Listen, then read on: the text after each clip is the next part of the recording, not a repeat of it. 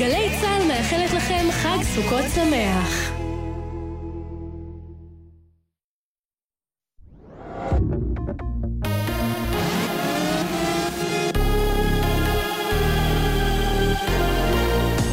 גלי צה"ל השעה שמונה, בוקר טוב וחג שמח, כאן מאיה רכלין עם מה שקורה עכשיו. הטבח בלאס וגאס, במסיבת עיתונאים שערכה הלילה משטרת נבדה, חשפו החוקרים כי היורה, סטיבן פדוק, אגר במשך שנים כלי נשק והתאמן בהם בחשאי. הוא חי חיים סודיים מבלי שאף אחד ידע על כוונותיו, אמר דובר המשטרה. עוד הוסיף דובר משטרת העיר כי בבתי החולים נותרו עוד 172 פצועים שטרם שוחררו לביתם מאז יום ראשון בערב. בנוסף לכך, נציג ה-FBI הודיע במסיבת העיתונאים כי לא נמצאה אף ראיה לכך שהטבח שבוצע היה מעשה טרור. גם בת זוגתו של פאדוק, שנחקרה מוקדם יותר, שוחררה ואיננה מוגדרת כעת כחשודה. שלושה חיילי הכוחות המיוחדים של צבא ארצות הברית נהרגו ושניים נוספים נפצעו. זאת לאחר שנתקלו במערב של אנשי אל-קאעידה בעת סיור שגרתי בגבול בין ניג'ר למאלי שבאפריקה. בהודעה מטעם צבא ארצות הברית נאמר, אנו יכולים לאשר דיווחים כי סיור משותף שלנו ושל הצבא הניג'רי ספג אש עוינת. עם זאת, בהודעה הרשמית סירב דובר, דובר צבא ארצות הברית להתייחס למצבם של החיילים. ראש הסגל בבית, בבית הלבן עדכן את הנשיא טראמפ בפרטי האירוע. סוכל ניסיון השוד הגדול בעולם. המשטרה הברזילאית דיווחה כי מנעה גניבה של 330 מיליון דולרים מבנק בסאו פאולו. השודדים חפרו מנהרה מתחת לבנק באורך של חצי קילומטר עם מערכת תאורה ואוורור. החוקר הראשי של משטרת סאו פאולו אמר לעיתון הגרדיאן הבריטי כי מדובר בכנופיה מסוכנת ומאורגנת עם היסטוריה ארוכה, בין היתר גם של רציחות. כך דבריו. התחזית לחג ללא שינוי ניכר בטמפרטורות. מזג האוויר יהיה נוח למטיילים הרבים שצפויים לפקוד את שמורות הטבע והגנים. ולסיום, מחזה מקסים באגמון החולה. הלילה עצרו למנוחה כמה אלפי עגורים. כתבתנו טל זרביב מוסרת כי העגורים אמורים כבר בשעות אלו להמשיך בנדידתם לאפריקה, שם הם יבלו בחורף. אלה החדשות שעורך מיכאל האוזר טוב. חג שמח.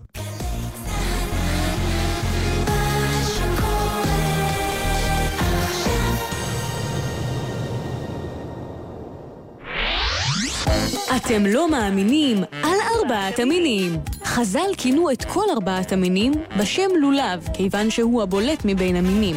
זה כמו לקרוא לכל אחד ממגדלי עזריאלי העיגול. חוגגים סוכות בגלי צה"ל. עכשיו בגל"צ, יורם רותם. עם בוא שיר עברי.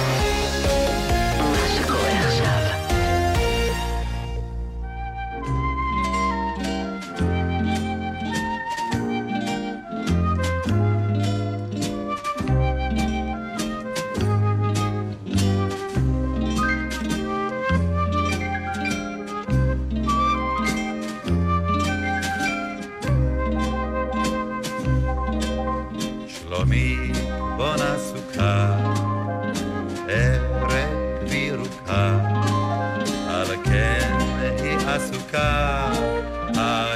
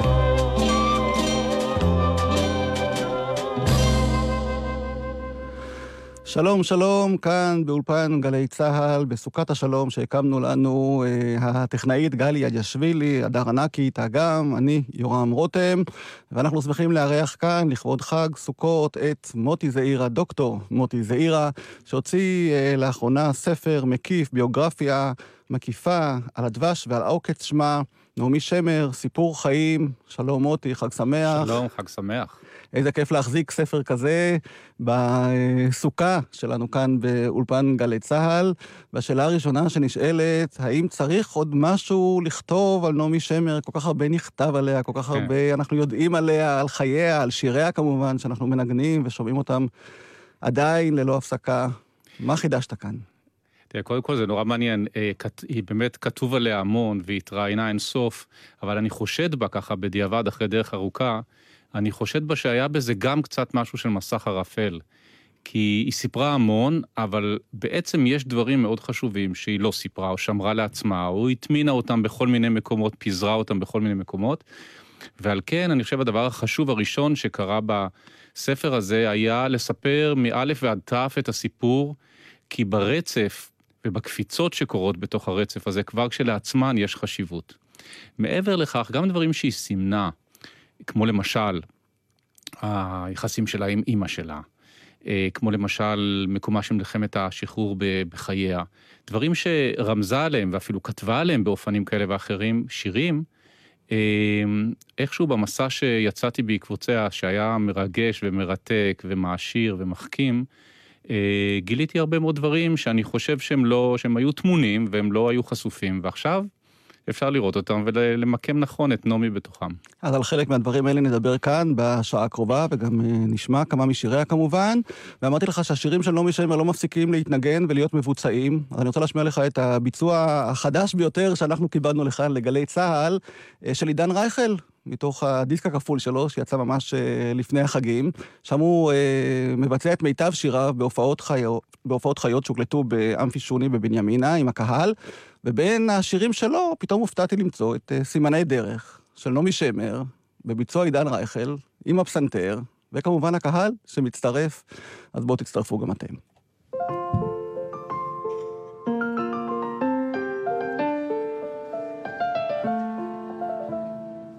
מי זוכר ומי יודע את הדרך אל ביתי, מי אשר קולי שומע הוא יבוא הביתה איתי.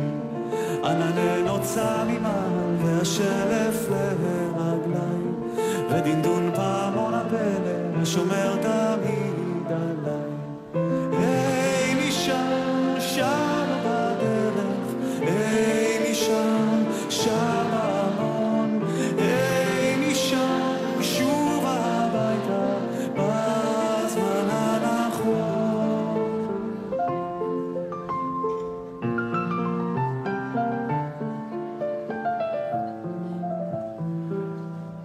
זה, עכשיו זה בית שרק אם אתה מגיל 50 ומעלה אתה יודע. כל השאר ככסים עד הפזמון הבא. אם שכחתי את הדרך המוכרת משנים, פה ושם בצד הדרך עוד נותרו לי סימנים.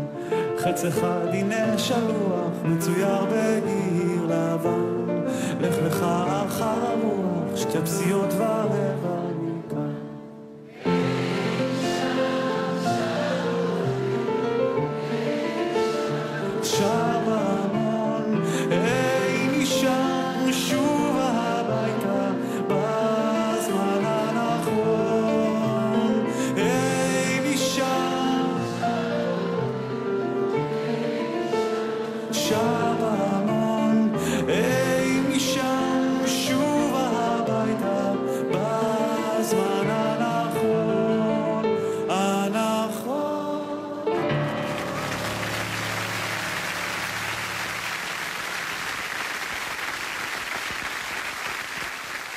סימני דרך, עידן רייכל בהופעה חיה. שמעת מה הוא אמר שם באמצע השיר? כן, מגיל 50. טוב, אני, אני 50. עומד בסטנדרט, זה בסדר. וגם אתה נתקלת ככה במהלך העבודה שלך על הספר, שנעמי שמר שייכת למבוגרים באמת? כן, אבל א', נתקלתי בזה שהיא שייכת למבוגרים, ומצד שני נתקלתי בזה שהיא שייכת לילדים, אז איכשהו זה תמיד מבטיח שכל מה שהשקיע בשירי הילדים ובשירי החגים, נותן את פירותיו, כי אין בעיה להתרפק על זה כשאתה בכל גיל שלאחר מכן, כי כולם עוברים את הגן ואת אה, בית ספר היסודי, ולכן מקומה של נעמי בנצח אה, מובטח מהעניין הזה, וגם כל פעם לגלות שיש אנשים שמגלים, כמו עידן רייכל ואחרים, שפתאום מתחברים אליהם ואליה ומגלים אותם במקום אחר וחושפים עוד צד ב, ביצירתה, זה מדהים. לזכותו של עידן רייכל ייאמר שהוא באמת אה, נותן כבוד לוותיקים, כן. אנחנו זוכרים את העבודה שלו עם שושנה דמארי וכולי, ובאמת גדל על אה, שורשי הזמר העברי, אבל נעמי שמר, את השירים שלה רצתה שכולם ישירו. כבר מהשיר הראשון שלה שהתפרסם, היא אמרה, קולי ישיר, אבל אתם לא הד. היא רצתה כן. להגיע לכולם, נכון? זאת אומרת, היה לה משהו שהיא אה, כיוונה תמיד לקהל גדול ככל האפשר. כן, והיא גם הייתה, גם תמיד היה לה יחס, היא, היא, היא ביטלה את היחס הרגיל שאומר, יוצר, כותב מעומק נשמתו, משוחח עם המוזה, ואז באיזה רגע של ייאוש או ייסורים הם יוצאים, אלא היא אמרה ששיר הוא תמיד מפגש אצלה, לא, לא יודע אם היא הכלילה את זה, אבל אצלה הוא מפגש בין איזה, מה שהיא קראה הזמנה פנימית והזמנה חיצונית. זאת אומרת שכשנותנים, מזמנים בידה אפשרות ואומרים לה, תכתבי על או לטובת אירוע זה או אחר, זה צריך לפגוש, היא לא תעשה את זה סתם, זה צריך לפגוש אצלה איזה הד, את ההד הפנימי הזה, ואז יוצאים שירים מופלאים. ואת השיר הראשון שהיא כתבה בעצם, או אה, פרסמה, או שהוא פורסם אפילו ללא ידיעתה, אתה גם אה, מביא בספר שלך, ספר הביוגרפי החדש. אתה מוכן לקרוא לנו את השיר שנעמי כתבה, ובאיזה גיל זה היה? אה, כן, אה, קודם כל צריך לומר, זה שיר שהיא כתבה פחות או יותר בגיל שבע, משהו כזה. יש שיר מוקדם יותר, אגב, שמגיל שלוש אימא שלה כתבה כל מיני פנינים מפיה, אז בעצם יש לנו בספר, מי שירצה ויתאמץ, יקרא את, ה, אה, את הוורסיה הראשונה של שיר שהיא כתבה רק דקלמה, ואימא שלה מרוב התרגשות כתבה אותו, אז יש לנו מהמשוררת הלאומית בת, בת שלוש וחצי. Uh-huh. אבל שיר הראשון שזכה לפרסום, לא, ב, לא ב, ברצונה בכלל, אלא בחגגו 25 שנה חצי יובל לקבוצת כנרת, ויצחק יציב, אה, שהיה עורך דבר לילדים, בא לראיין לכבוד זה את ילדי הקבוצה, ואז רבקה, אימא של נעמי, דחפה לו אה, בכיס. אה, כמה שירים שכתבה הילדה ב... ולא תכננה בכלל להוציא את זה לאור. ואז, אה, ולא, גם לא, לא טרחה לספר, לספר לביתה שככה זה הולך להיות, ולכן אה, כשזה התפרסם גיליון דבר בדיוק בתאריך של, של חשוון, כשהיום הולדת של קבוצת כנרת, פתאום היא רואה את השיר שלה מופיע, אני אקרא אותו, דרך אגב היא הייתה מאוד מאוד אבל מאוד נבוכה. אה, מה פתאום מפרסמים את זה, במיוחד שיש שם דברים שאחרי זה בדיעבד היא לא הסכימה איתם, אבל בואו ניתן את הכבוד לשיר הראשון, הוא הולך כך, נקרא בוקר בגן. בוקר, הטל טרם נמוג, אקום ממיטתי ולגן אצא. שם רוח קלה מלטפת ולוחשת. קום ריקה, קום, צא. כולם, הציפורים הכחולות בכנפי זהבן, השושנים הוורודות באודם ראשן, כולן שמחים לקראת בואי. והשחר בעטרת זהבו, נוהג לאיתו את השמש היפה, עמוד אש מאחוריהם, ולפניהם ציפור פז עפה. קיר ביתנו מסויד, יפה ממנו ערוגת שושנים, יום יום אשכנה, אריח ריחה ימים ושנים. אגב, מה שהיא לא הייתה מרוצה, כן. זה שהשושנים תופסים פה מקום כל כך גדול, והיא אחרי זה אמרה לאימא שלה, אבל זה עשיתי מהדמיון, אין אף שושנה, אף ורד פורח ב-1938 בחצר הקבוצה. אבל הנה לנו כוחו של דמיון. כן, ואנחנו זוכרים שאימא שלה, רבקה, היא זאת שהתעקשה לגדל ירקות שם בגן הירק של קבוצת כנרת, והיא גם התעקשה על זה שנעמי תנגן על פסנתר וכולי, אבל uh, כמה דברים שהיא מזכירה כבר בשיר הזה, מופיעים אחר כך בשירים אחרים שלה, כמו עמוד האש, מופיע כן. ברכב אש, וכמובן קיר ביתנו מסוים. יד, ואני מניח שבלבן, כי זה מה שהיא כתבה כעבור שנים כן. בשיר אה, בית חלומותיי. בהחלט. על ראש גבעה.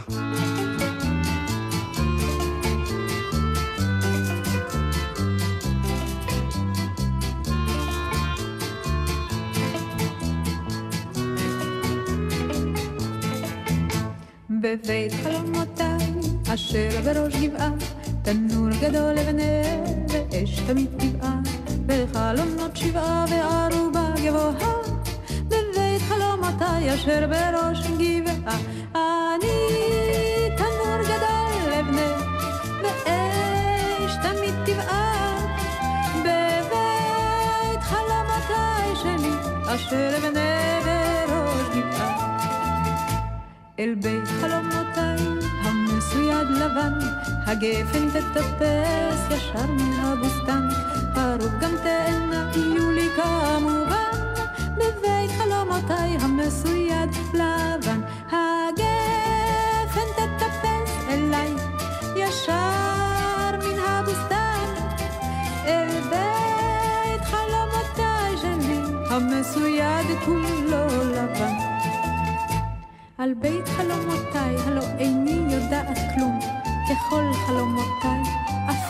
וחתום, ולי הוא מחכה בסבלנות אי שם, אולי בראש הרים, אולי על חוף הים, אולי הוא בית חומה, נטוש ונעזר, אולי הוא צריף קטן, אולי מגדל שנהר, דבר אחד עליו ידוע לי עכשיו, יגור בו איש אחד אשר אותי יאהב.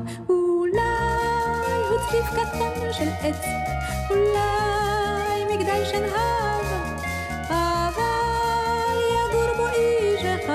אחד אשר אותי מאוד יאהב. בבית חלומותיי, הלא זה בית חלומותיי. נעמי שמר שרה על אה, בית חלומותיי, דוקטור מוטי זעירה, דיברנו כבר על אימא של נעמי, בוא תרחיב קצת יותר על הקשר המיוחד הזה בין האם רבקה ובין נעמי. יש שם יחסים מאוד מורכבים, בגיל כן. מאוד צעיר. בהחלט יחסים מורכבים. אה, קודם כל צריך לומר, בזכותה של רבקה ספיר, יש את נעמי שמר, זאת אומרת, היא יצרה אותה במו ידיה. וזה גם קשור לסיפור מאוד uh, מיוחד שקשור לאם עצמה, שהייתה מאוד כישרונית במוזיקה ובכלל בהרבה תחומים, ממתמטיקה ועד, uh, ועד עבודת כפיים. Uh, הסיפור הוא שרבקה האם, בגיל שהייתה פסנתרנית מכוננת בתור ילדה, בבית דל מאוד בווילנה, הייתה בעצם ההורים של היהדות חסכו מפיתם כדי שהיא תוכל לקחת שיעורי פסנתר, ובאמת בגיל 12 היא הלכה לאיזה רסיטל מאוד חשוב וניגנה שם. האבא לבש, היה לבש, לבוש יפה, האימא שלה, סבתא של נעמי, אה, לא יכלה ללכת כי אפילו לא היה לה מה ללבוש. והיא באמת זכתה שם במקום ראשון ומאוד הרשימה, בנגינה קלאסית כמובן. והטרגדיה היא שיומיים אחרי ה... האירוע הזה אה, קיבלה אימא רבקה דלקת בווריד ביד, ובעצם במשך שנה עברה ניתוחים וסבל נוראי, ואיבדה את היכולת אי פעם להיות פסנתרנית. זאת אומרת, בפסיכולוגיה בגרוש, ואולי אפילו בשקל, זאת אומרת, יותר מאשר בגרוש, אפשר לומר שיש, היה משהו מאוד מוחמץ מהבחינה הזאת בחיים של רבקה, שהיא הייתה נחושה להגשים את זה בחיים של נעמי.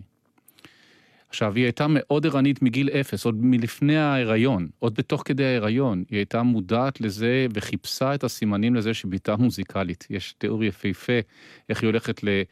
ל... אה, לעמק הירדן פרופסור יקותיאל שור.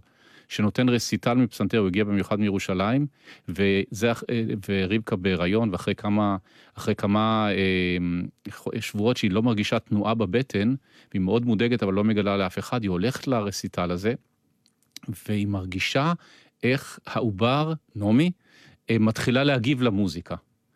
עכשיו על זה סבתא שלי הייתה אומרת, גם אם זה לא, גם אם זה לא נכון, זה השיינה מייסה. Mm-hmm. אבל, אבל זה בהחלט מעיד משהו על איזה מוזיקליות ש, שרבקה רצתה לחפש, ו, ומגיל אפס מחפשת אותו, הוא מוצא תוכחות בשפע, כיוון שנעמי הייתה, גם אם, היא, אם לא היה לה את הכישרון הטבעי, אז לא היה גם מה לפתח. אבל האם, בנחישות, באכזריות לפעמים, אה, במשמעת ברזל, אה, הכניסה את נעמי למסכת של אימונים. לקום כמה דקות, לקום שעתיים לפני סדר היום שלה ושל בתה, זאת, זאת לגן הירק וזאת לבית הספר או לגן. כשנעמי הייתה מאוד צעירה. בת ארבע. ילדה, בת ארבע, חמש, ללכת לחד, לחדר שקט בכנרת, זה החדר שבו עמד הפסנתר היחיד שרבקה דאגה שיהיה בקבוצה, כי עד שנעמי הייתה בת חמש, שנת 35, לא היה פסנתר בקבוצה. אז היא ארגנה איזה פסנתר מחברים שלה ושמו את זה כמובן לרש, לשיד, לרשות כולם, ולכן היה שם תור כל הזמן, והיא הייתה קמה לפני עבודתה ולפני הלימודים של נעמי כדי להתאמן עם עם שיטות אה, פרוסיות אכזריות, כלומר, אחד הסיפורים היפים שליקטתי, זה איך אה, היא דואגת ש, שנעמי תתרגל עשר פעמים את אותו, את אותו קטע נגינה קלאסי, ועל כן היא לוקחת עשרה, אה, עשר שועיות כאלה, כן, גרעיני שועית, ושמה אותם בצד אחד של הפסנתר, וכל פעם שהיא גומרת תרגול היא מעבירה שועית אחת לצד השני של הפסנתר, ככה שנעמי יהיה לה איזה מושג כמה, לפנ... כמה לפניה וכמה מאחוריה. ושולחת אותה למיטב המורים בעמק, mm-hmm. וכל זה קורה מעבר לשעות העבודה והלימודים וכל ה... ה...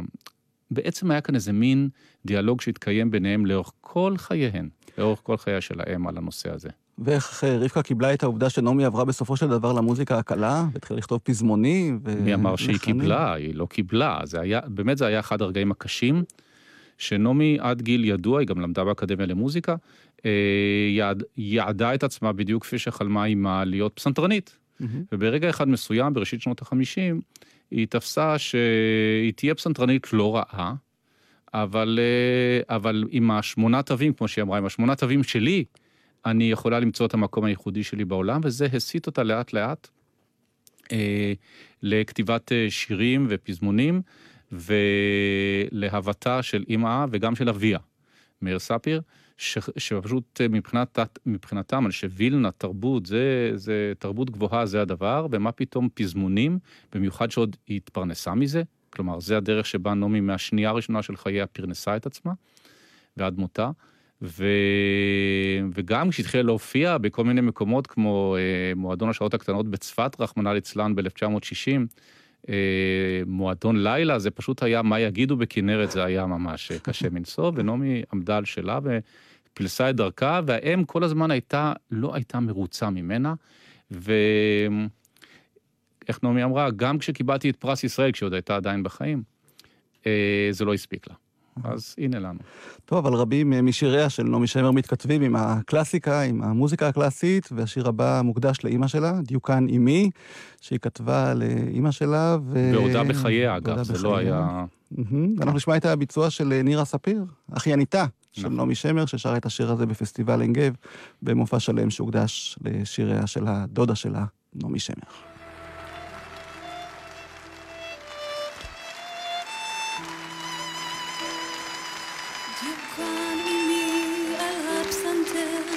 ידע ימים יפים יותר, וגם ימים יותר קשים, באלף תשע מאות שלושים בקיץ. דיוקן עמי מונף אל השמיים,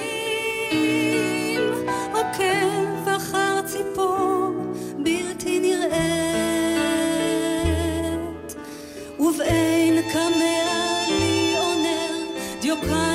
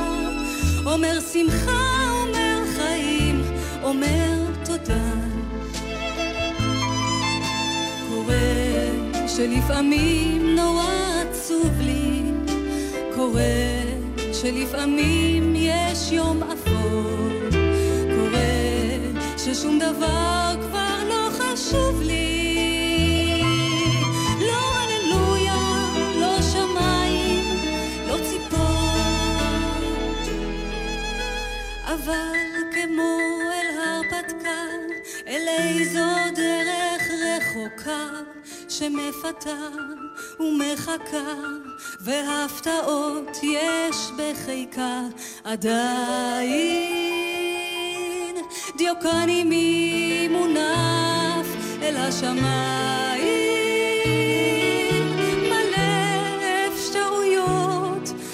תקווה אל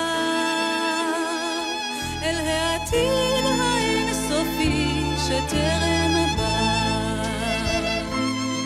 אל העתיד האינסופי שטרם בא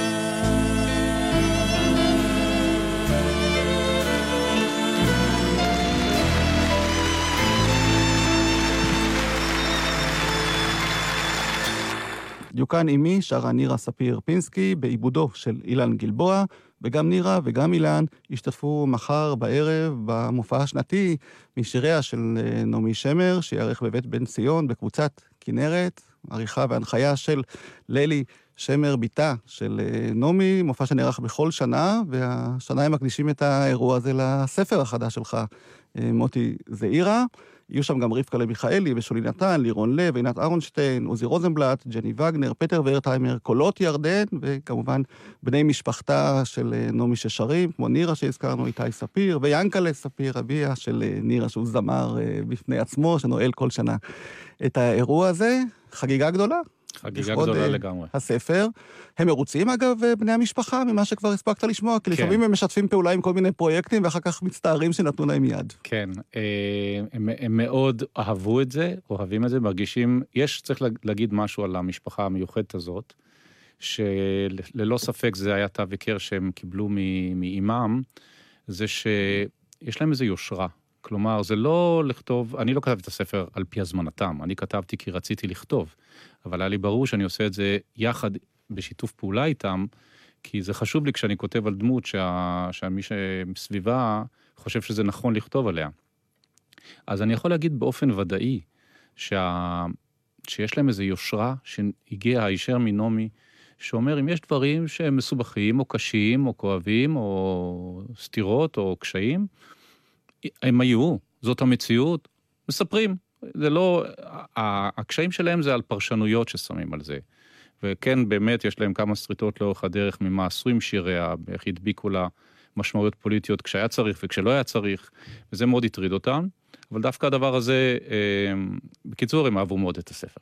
אתה יכול לתת דוגמה? כי הנושא הפוליטי למשל אה, עלה לאורך השנים בהקשר נעמי שמר, והיא עצמה אמרה שהייתה משוררת עד שהיא אה, העזה להזדהות עם הימין, ואז הורידו אותה לדרגת פזמונאית, או כן. משהו מהסוג הזה, ולא שבעה נחת, בוא נאמר בעדינות. אני חושב שזה היה הדבר שהפוגע ביותר מבחינת, אני מניח שגם מבחינת נעמי, לא שמעתי את זה ישירות ממנה, אבל ודאי מבחינת המשפחה, ה... לא הסיפור על הדעות הפוליטיות, ואפילו לא על המחירים שהיא שילמה על זה, כיוון שהיא לא הייתה חלק אה, מה... כיוון שהברנז'ה לא אהבה את זה וכולי, אלא כנגד הטענה שאומרת שמהרגע שהיא הייתה, אה, שינתה את דעותיה הפוליטיות, והזדהתה עם גוש אמונים ועם הימין, אה, איכות שירתה ירדה פלאים. הניתוח הזה, שאגב, אני חושב שהוא פשוט לא נכון, חלק גדול משיריה הגדולים נכתבו אחרי 1975, שזה פחות או יותר השנה שבה היא מתחילה את המסע שלה, שלא הסתיים בעצם עד מותה. אה, חלק גדול משירתה ומשיריה המאוד מיוחדים, המוצלחים, הם נכתבים בתקופה הזאת והם קולעים אל הנקודה בהרבה מאוד דברים. ועל כן השיפוט הזה הוא מעיד על, בעיניי יותר על השופט מאשר, מאשר על המושא השיפוט. ואני חושב שזה מה שכאב במיוחד למשפחה, ואני גם הבנתי את זה. אמ, זה לא, זה לא חסך ממני לתאר את כל, באמת זה פרק מעניין ביותר בספר, שגם לי היה את הזכות ככה לפענח אותו ולהגיע על כל מיני סמטאות בתוכו ולעקוב אחריו מעבר לסטריאוטיפ, שכן, היא עברה מתנועת העבודה אל גוש אמונים ואוי ואבוי. אמ, ולגלות, אני גם רוצה לומר עוד משהו שהוא מעניין, אני אומר את זה גם כהיסטוריון. אה, הנטייה של נעמי שמר אל התיישבות ואל ארץ ישראל, היא לא מורשת גוש אמונים, היא גם הראשונה שאמרה את זה. זה גם לא מורשת הימין, זה ממש מורשת בית אבא. בית אבא במובן של תנועת העבודה, באנשי כנרת על אחת כמה וכמה, ככה הקדושה של ההתיישבות. הדברים האלה, הם חלחלו בה והיא טענה חזור וטעון בכל מקום שהיא יכלה, שהיא ההמשך הנכון של תנועת העבודה שהתעייפה קצת. על כן זה גם, גם מרגיז מאוד, אבל אני חושב שבמידה רבה מבחינה היסטורית זה נכון. ואפילו השורה "אל נא תעקור נטוע", שנוטים לייחס אה, לפינוי מימית שהיה ב-1982, בעצם נכתבה לשיר על כל אלה הרבה לפני. זה נכתב כיוון שזה היה נכתב כשיר נחמה לאחותה, שגייסה אה, אברהם, טבע בדהב באמצע, באמצע איזה מסע צלילה בימים הנהדרים שעוד היינו נוסעים לסיני בשביל לצלול בלי שום בעיות. אה, וכל המשפחה הייתה מאוד דאובה, והיא כתבה את הדבר הזה כשיר נחמה, אישי. אה, אי אפשר להכחיש שהיא גם לא התנגדה מאוד שזה יהפוך, שזה יגויס בדיעבד, אבל המוטיבציה לכתיבה הייתה אישית לחלוטין. היא הזדהתה עם מה שלקחו, בהתחלה היא קצת כעסה על החבר'ה מגוש אימונים, מה אתם לוקחים ולא משלמים לי זכויות יוצרים, זו הנקודה המאוד רגישה אצלה, אבל אחרי זה זאת הייתה תרומתה למאמץ המלחמתי, ולא לא כעסה שלקחו את שירה כמו שהיא יכלה לכעוס, וכעסה לא מעט כשלקחו שירים לדברים שלא לא קיבלו את רשותה. אז במקרה הזה זה הלם גם את השקפותיה, אבל השיר מקורו בעומק ובחוויה מאוד אישית שהתלכדה באיזושהי דרך בתקופת הזמן גם למשימות לאומיות.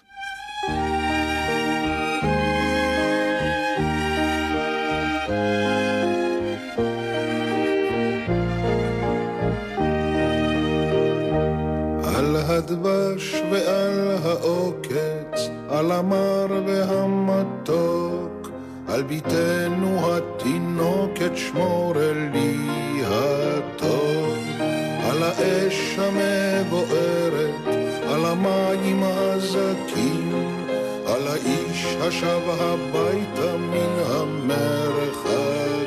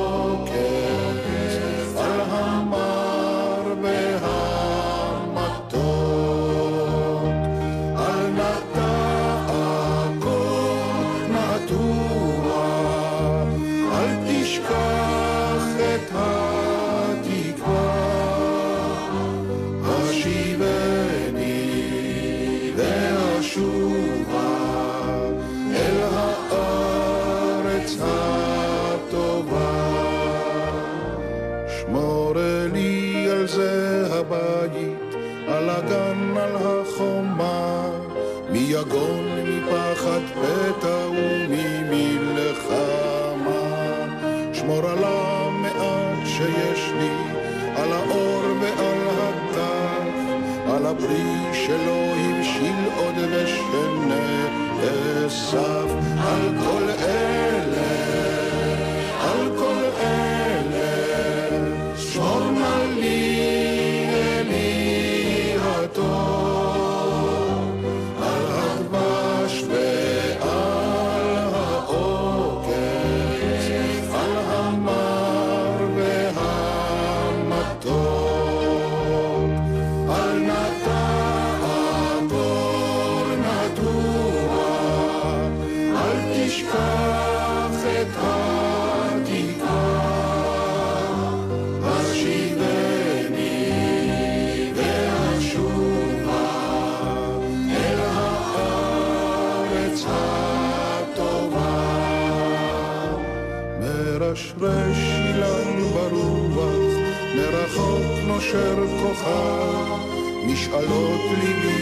בחושך נרשמות. עכשיו, אנא שמור לי על כל אלה, ועל אהובי נפשי, על השקט, על הבכי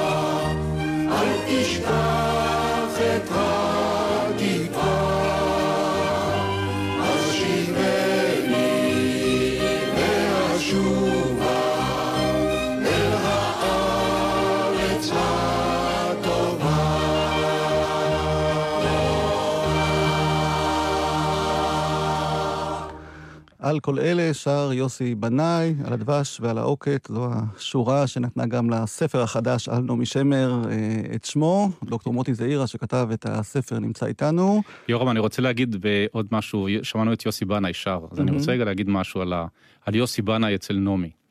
קודם כל, איך היא הכירה אותו? היא הייתה חיילת די אה, מרדנית ולא קונבנציונלית בפיקוד הנחל.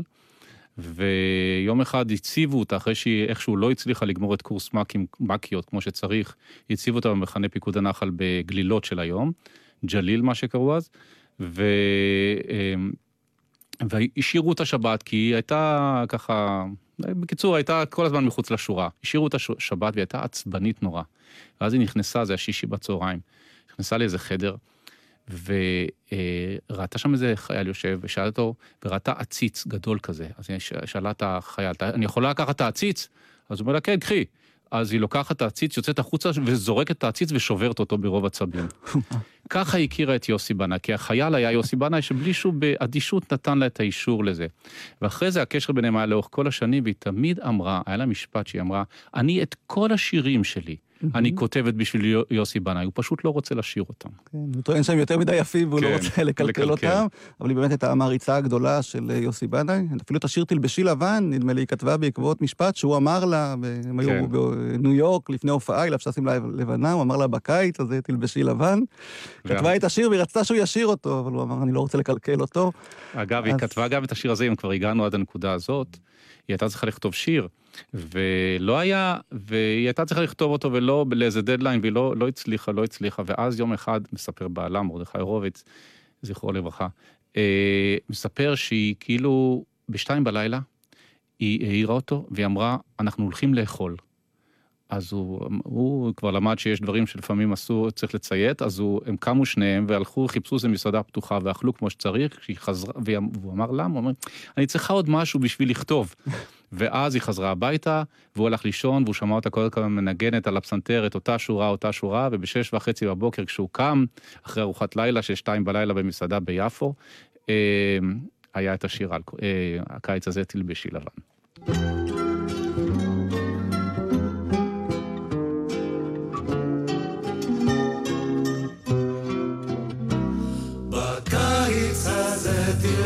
תלבשי לבן, תחשבי מחשבות בהירות, אולי תקבלי מכתב אהבה, אולי נעשה בחירות.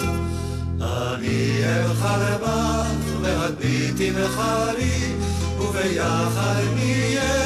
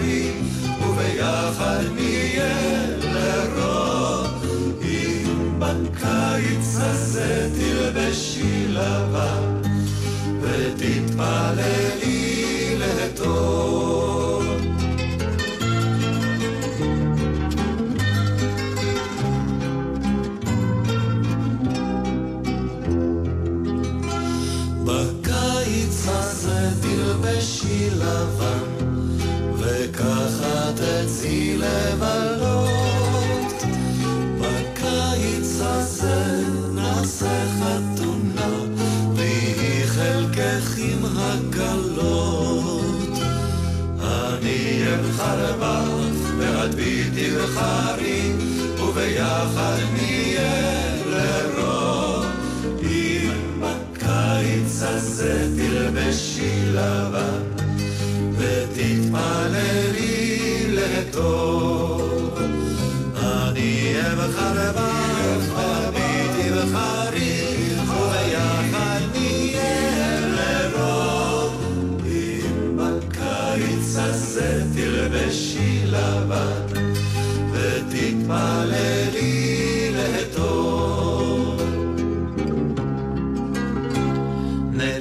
מן הדעת בקיץ הזה, ואחר כך נדע שלווה.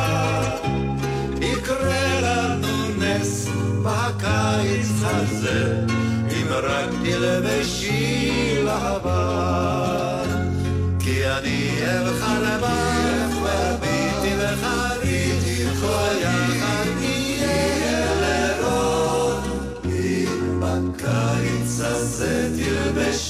תלבשי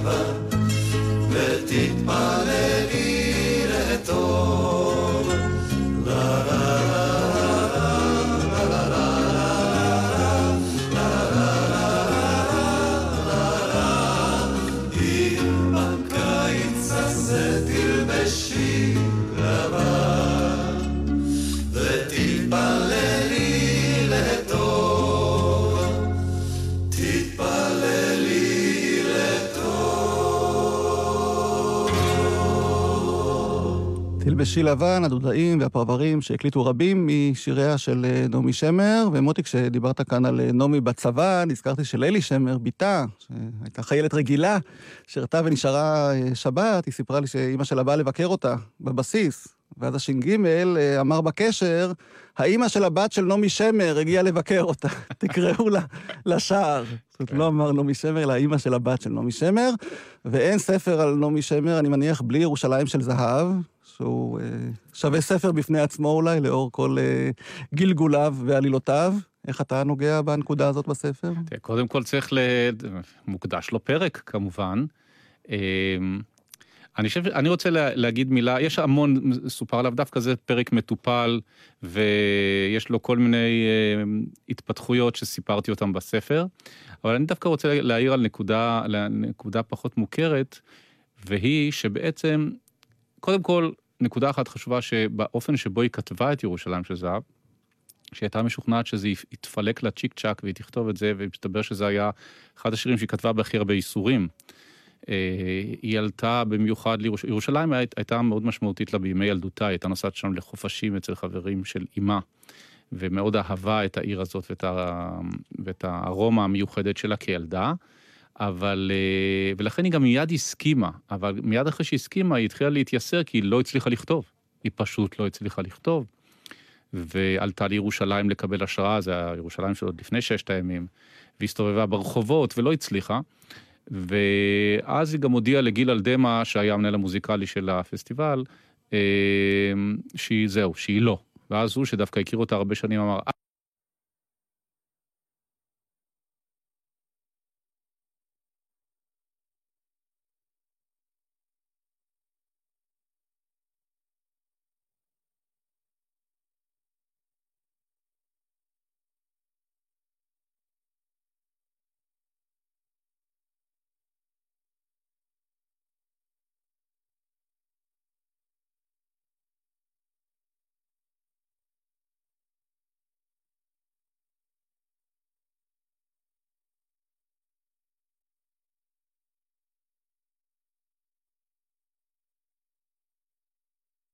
מרוב ייאושה הלכה יום אחד לחווה של סוסים. היא איכשהו החשיבה את עצמה כחקלאית, שגם יודעת לרכב על סוסים, אז היא הלכה, אה, וולף, וולפגנג לוץ, שהיה מרגל על הסוס, הידוע מהפרשיות בשנות החמישים, הייתה לו חוות סוסים מבן שמן, והיא הלכה אליו והיא שכרה איזה סוס די פדלה כנראה, והסתובבה ככה, אה, הסתובבה על, על הסוס וניסתה להיכנס לאיזה מוד, וכנראה משהו בקפיצות של הסוס, איכשהו הצליחו להכניס בה איזה, איזה הלך נפש כזה שהשיר בקע אחרי זה צ'יק צ'אק עוד באותו לילה. הוא בקע עם שתי מנגינות והיא בחרה אחת ויש, יש, אז יש, זה כל מה שלא רציתי לספר. מה שכן רציתי לומר זה שהשיר הזה בעצם שינה את חייה. כי אמנם היא הייתה מאוד מאוד מוכרת לפני כן, כל השירים הגדולים שהיא כתבה ללהקת הנחל, מחר ושירים רבים נוספים, אה, נכתבו ב-65, 66, ככה לפני המלחמה. אבל השיר ירושלים של זהב פשוט, במילים של היום, סידר אותה, סידר במובן הכלכלי. כי היא הייתה דלפונית, היא רצה, היא באמת עבדה עבודת פרך בכתיבת שירים ובתרגומים ובלחנים, וניצלה כל הזדמנות כדי כי היא פשוט פרנסה את עצמה מהרגע שהיא עזבה את הקיבוץ. ולא הייתה לה דירה משלה, והייתה לה בת לטפל בה, וכל, ה, אה, וכל הדברים האלה מאוד הקשו עליה, ועד ירושלים של זהב היא לא הייתה מסודרת כלכלית. אז צריך לומר לזכותה של ירושלים של זהב, שלא רק שהיא מיקמה את נעמי שמר כאייקון אה, מרכזי בתרבות הישראלית, וכל החשיבות העצומה של השיר הזה עד היום, אלא גם הוא הפך את נעמי להיות נעמי שמר, גם מסודרת כלכלית, גם מוכרת מאוד בעולם. השיר הזה תורגם לעשרות שפות, נדמה לי ל-25 שפות. היא התחילה במסעי אה, הופעות בינלאומיים מיד אה, בעקבות, אה, בעקבות ירושלים של זהב. זאת אומרת, זה השיר שהוא, שהוא פשוט מיקם אותה, ומכאן ואילך היא כבר נותר לה רק להמריא כלפי מעלה. וסוגיית השיר הבסקי, שהתעורר אחרי מותה, למרות שהיו דיבורים על זה עוד לפני. הוא התעורר כיוון שהיא כתבה מכתב לגיל אלדמה, mm-hmm. שהתפרסם שנה אחרי מותה, היא הרשתה לו לכתוב, ובעצם בו היא אומרת, יכול, היא כאילו אומרת, יכול להיות שהייתה השפעה. היא שנים הדפה את זה. כן. כי היו לאורך כל שנים, אני מונה בספר את כל הניסיונות שהזכירו וזה, והיא הדפה את זה בברוטליות לפעמים כדרכה, ולא נתנה לזה להיכנס, וזה אמ, אני חושב שבסך הכל יש משהו שמופרז בכל הדיון הזה. זאת אומרת, כאילו הלהט שבו אמרו, אוי, זה פלגיאט, מעיד יותר על השומעים ועל מי שחיפש מאשר, מאשר על הדבר עצמו, כי עבורה, לכל היותר, זה היה סוג של השראה. אבל שהיא לא זכרה. עכשיו, מהרגע שהוכיחו לה באותות המופתים שאכן היא שמעה במקרה בתיאטרון החמם את ריקה זרה, היא שרה פעם אחת או שתיים, אז מהרגע הזה התחיל לפעול המנגנון השמרי. זאת אומרת, זה המנגנון שאומר, וואי, כנראה בכל זאת בלא יודעין היה פה משהו, וזה לא נתן לה מנוח. זה פשוט לא נתן לה מנוח. שוב בהפרזה כדרכה, זאת אומרת, היה בה נטייה לקחת דברים עד הקצה, וגם את, ה, את המרוק ההבנות הזה, שאולי בלא יודעין, אה, קיבלתי איזושהי השפעה, אה, היא הרגישה צורך לתת לזה פרסום, ולכן היא כותבת את זה לגיל השותפה בעצם, או המאתגר שלה לכתוב את השיר הזה. ואומרת לו לפרסם את זה אחרי מותה, ובשבוע, שבועיים האחרונים לחייה, כשהיא כבר נמצאת מאושפזת, וכמעט לא נמצאת בהכרה וסובלת מאוד מכאבים, בפעמים שהיא אה, מתעוררת הדבר המרכזי שמעסיק אותה זה האם אריאל בנה שלח את המכתב לגיל ואלדמה ווידא שהמכתב הגיע, וגיל אלדמה היה בחוץ לארץ, וכל פעם שהיא התעוררה מערפילי אה, אלפונה, או, אז היא הייתה, היא הייתה בודקת האם המכתב הגיע, ואריאל התקשר לחוץ לארץ ווידא שהמכתב הגיע, ואיכשהו נחה דעתה. זאת אומרת, זה מאוד מאוד הטריד אותה. היא לא, היא לא לרגע לא חשבה שהיא עשתה פלגיאט, היא הייתה, היא הייתה מאוד רגישה לפלגיאטים. אבל, אה, אבל היא בכל זאת, זה שזה אולי בלא יודעים זה חלחל, זה הטריד אותה עד יום מותה.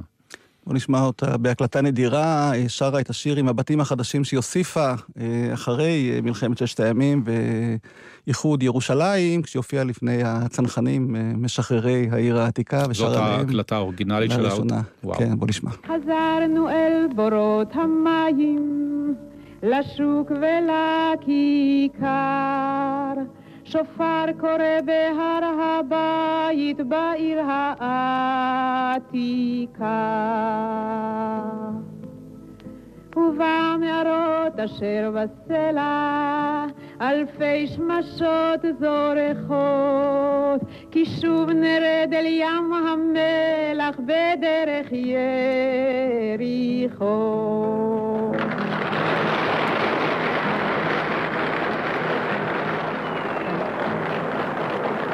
חבובים.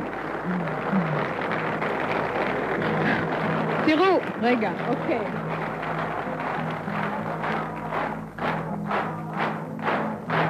רגע אחד, תראו, זה אני שצריכה למחוא לכם כף, כי לשנות שיר זה הרבה יותר קל מאשר לשנות עיר. נעמי שמר, 1967, אחרי מלחמת ששת הימים, ונזכיר שוב שמחר בערב ייערך בבית בן ציון בקבוצת כנרת אה, ערב מחווה גדול משיריה, אה, בהנחיית אה, לילי שמר, ויהיו שם גם סרטונים, קטעי וידאו וזמרים רבים שישירו את השירים, והכל לכבוד הספר הביוגרפי שכתבת, דוקטור מוטי זעירה, האורח שלנו כאן היום בסוכת גלי צה"ל. ימי האחרונים של נעמי, הזכרת זאת קצת ב... דברים שאמרת קודם, תראה, היא הייתה, אה, הייתה אדם ידוע חולי, אפשר לומר, בשפה גבוהה. אבל כמו שהיא העידה על עצמה, אני הזנחתי את הגוף שלי, לא שמתי לב, היא חגיגה, היא אכלה מה שהיא רצתה, והיא באמת אה, סבלה כתוצאה מכך מהרבה מאוד אה, קשיים, שהיו, אה, הביאו לכך שבאופן תקופתי, מסוף שנות ה-80 ואילך, כל פעם זה היה רגע שאו-טו-טו יש איזו הודעה דרמטית ש... שאולי ימיה קרבים, עד כדי אפילו הופעה ב-1991 בטלוויזיה, מאוד מרגשת, שהייתה כולה, גם ההתגייסות של האומנים הייתה כזאת שכנראה נעמי שמר אה, ממש ימיה ספורים. היא באמת הייתה נראתה נורא והייתה באחת מהתקופות הקשות של המחלה, אבל היא עוד האריכה ימים כמה, ש... כמה וכמה שנים טובות לאחר מכן, כיוון שבסופו של דבר היא נפטרה ממצבור של אה, גם לב וגם סוכר וגם, הכל הכל היה ביח וסרטן, זאת אומרת זה היה איזה מין, הגוף שלה הסתער עליה והיא לא, לא ממש אה, עשתה דברים בשביל לטפל בו. אמ, הדבר המיוחד, ששוב, הוא כנראה, הוא מאוד מיוחד לאישיותה שבימי האחרונים, כשהיא נמצאת בבית החולים, זה ברור שזה ממש ימי האחרונים, אז היא כינסה את כל הרופאים, בביקור רופאים, והיא אמרה להם, פתחה ואמרה להם את המשפט הבא: אתם גלמים גמורים. כולם זה, מה? מה גלמים גמורים? אומרים, בכל מה שקשור להבאת חיים, לידה, פריון, אתם התקדמתם מאוד, אבל לכל מה שקשור לנושא המוות, אתם נשארתם לגמרי מאחור. אני לא רוצה לחיות מעבר למה, שיש, למה שהוקצב לי, אני לא רוצה לסבול, אני רוצה שת, שתעזרו לי למות. כבר אז זה היה נושא מאוד אה, זה.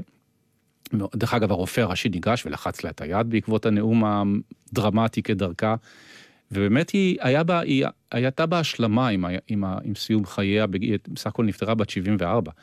אה, בסיום חייה היא אמרה, המינוח שהיא בחרה להגיד זה היה, עשיתי את יום העבודה שלי. שזה מינוח קינרטי קלאסי שאומר... שאימא שלה הייתה אומרת את זה כן, בסוף יום העבודה. זה אומר, את שלי עשיתי, ועכשיו כל, כל השאר זה כבר בונוס. אז את יום העבודה שלי עשיתי, וככה היא באמת הרגיש, הרגישה, וכך היא סיימה את, את חייה.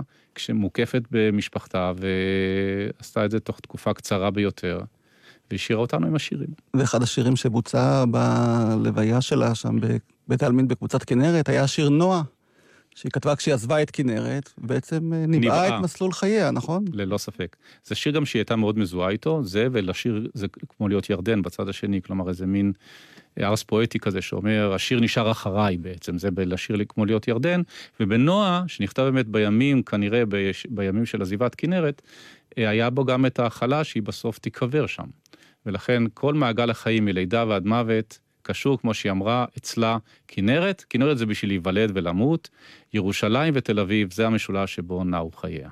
ובדרך היא גם כתבה אלף שירים בשיר, כמו שהיא ניבאה בשיר הזה. נשמע את מיטל טרבלסי, ששרה רבים משיריה של אה, נעמי שמר, ואתם גם אה, מופיעים בסדרה של אה, הרצאות, מוקדשות לכל מיני יוצרים חשובים בתרבות הישראלית. כן. דוקטור מוטי זעירה, אני מודה לך שהיית כאן עם הספר החדש, מודה גם על הספר המרתק הזה שכתבת, שיצא עכשיו בהוצאת כתר, על הדבש ועל העוקץ, על חייה ושירתה של נעמי שמר.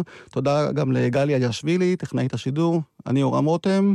ונתראה בספר הבא, מוטי. חג שמח, בהחלט. חג שמח, והנה נועה.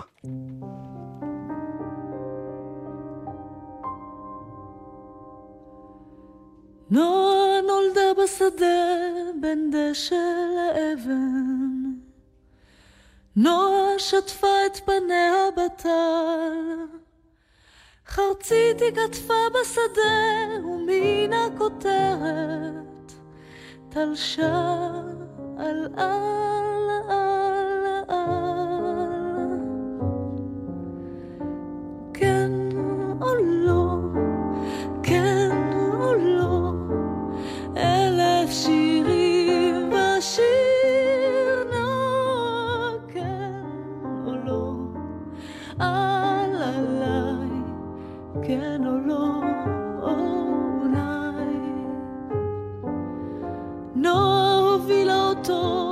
דשא לאבן.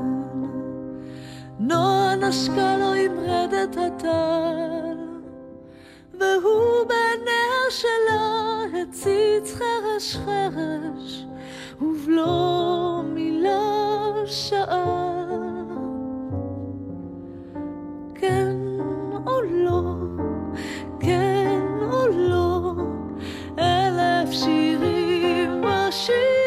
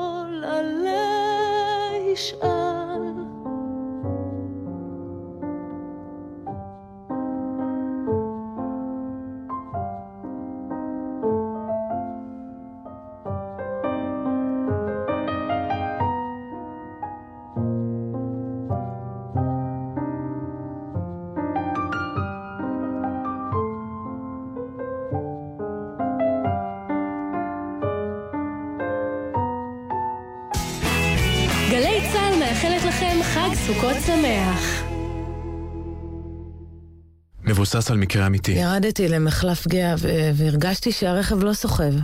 נדלקה נורה אדומה ו- ויצא עשן ממכסה המנוע. הייתי חייבת לעצור בצד. אבל אז הגיעה משאית ו... לא עוצרים בשולי הדרך. אם חייבים לעצור בגלל תקלה שאינה מאפשרת את המשך הנסיעה, עוצרים רחוק ככל האפשר מהכביש, יוצאים מהרכב בזהירות, מתרחקים אל מעבר למעקה הבטיחות ומתקשרים למוקד החירום. נלחמים על החיים. הרשות הלאומית לבטיחות בדרכים.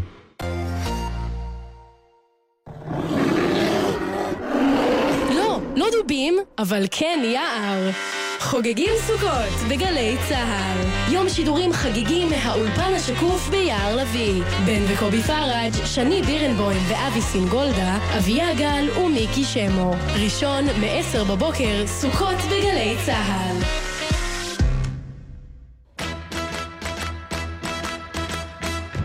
גלי צה"ל מזמינה אתכם להופעה של קליף ריצ'ארד, חגיגה של רוקנרול ונוסטלגיה עם כל הלהיטים הגדולים בשנות ה-60 וה-70. You've got lucky lips.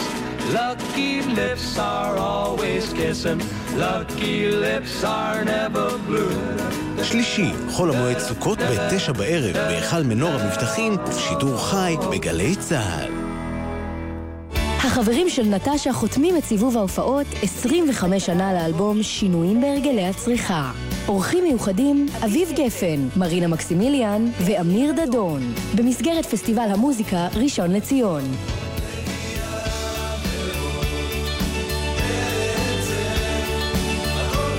הערב בתשע, בלייב פארק ראשון לציון ובשידור חי בגלי צה"ל. גלגלצ מציגה התשמע קולי, אלבום מחווה מיוחד לרגל 50 שנה לחלונות הגבוהים. התשמע קולי, רחוקי שלי. התשמע קולי, המתנה שלכם לחג, עכשיו בחנויות ובשירותי המוזיקה הדיגיטליים. צחק יבוא בזהבה, וצחק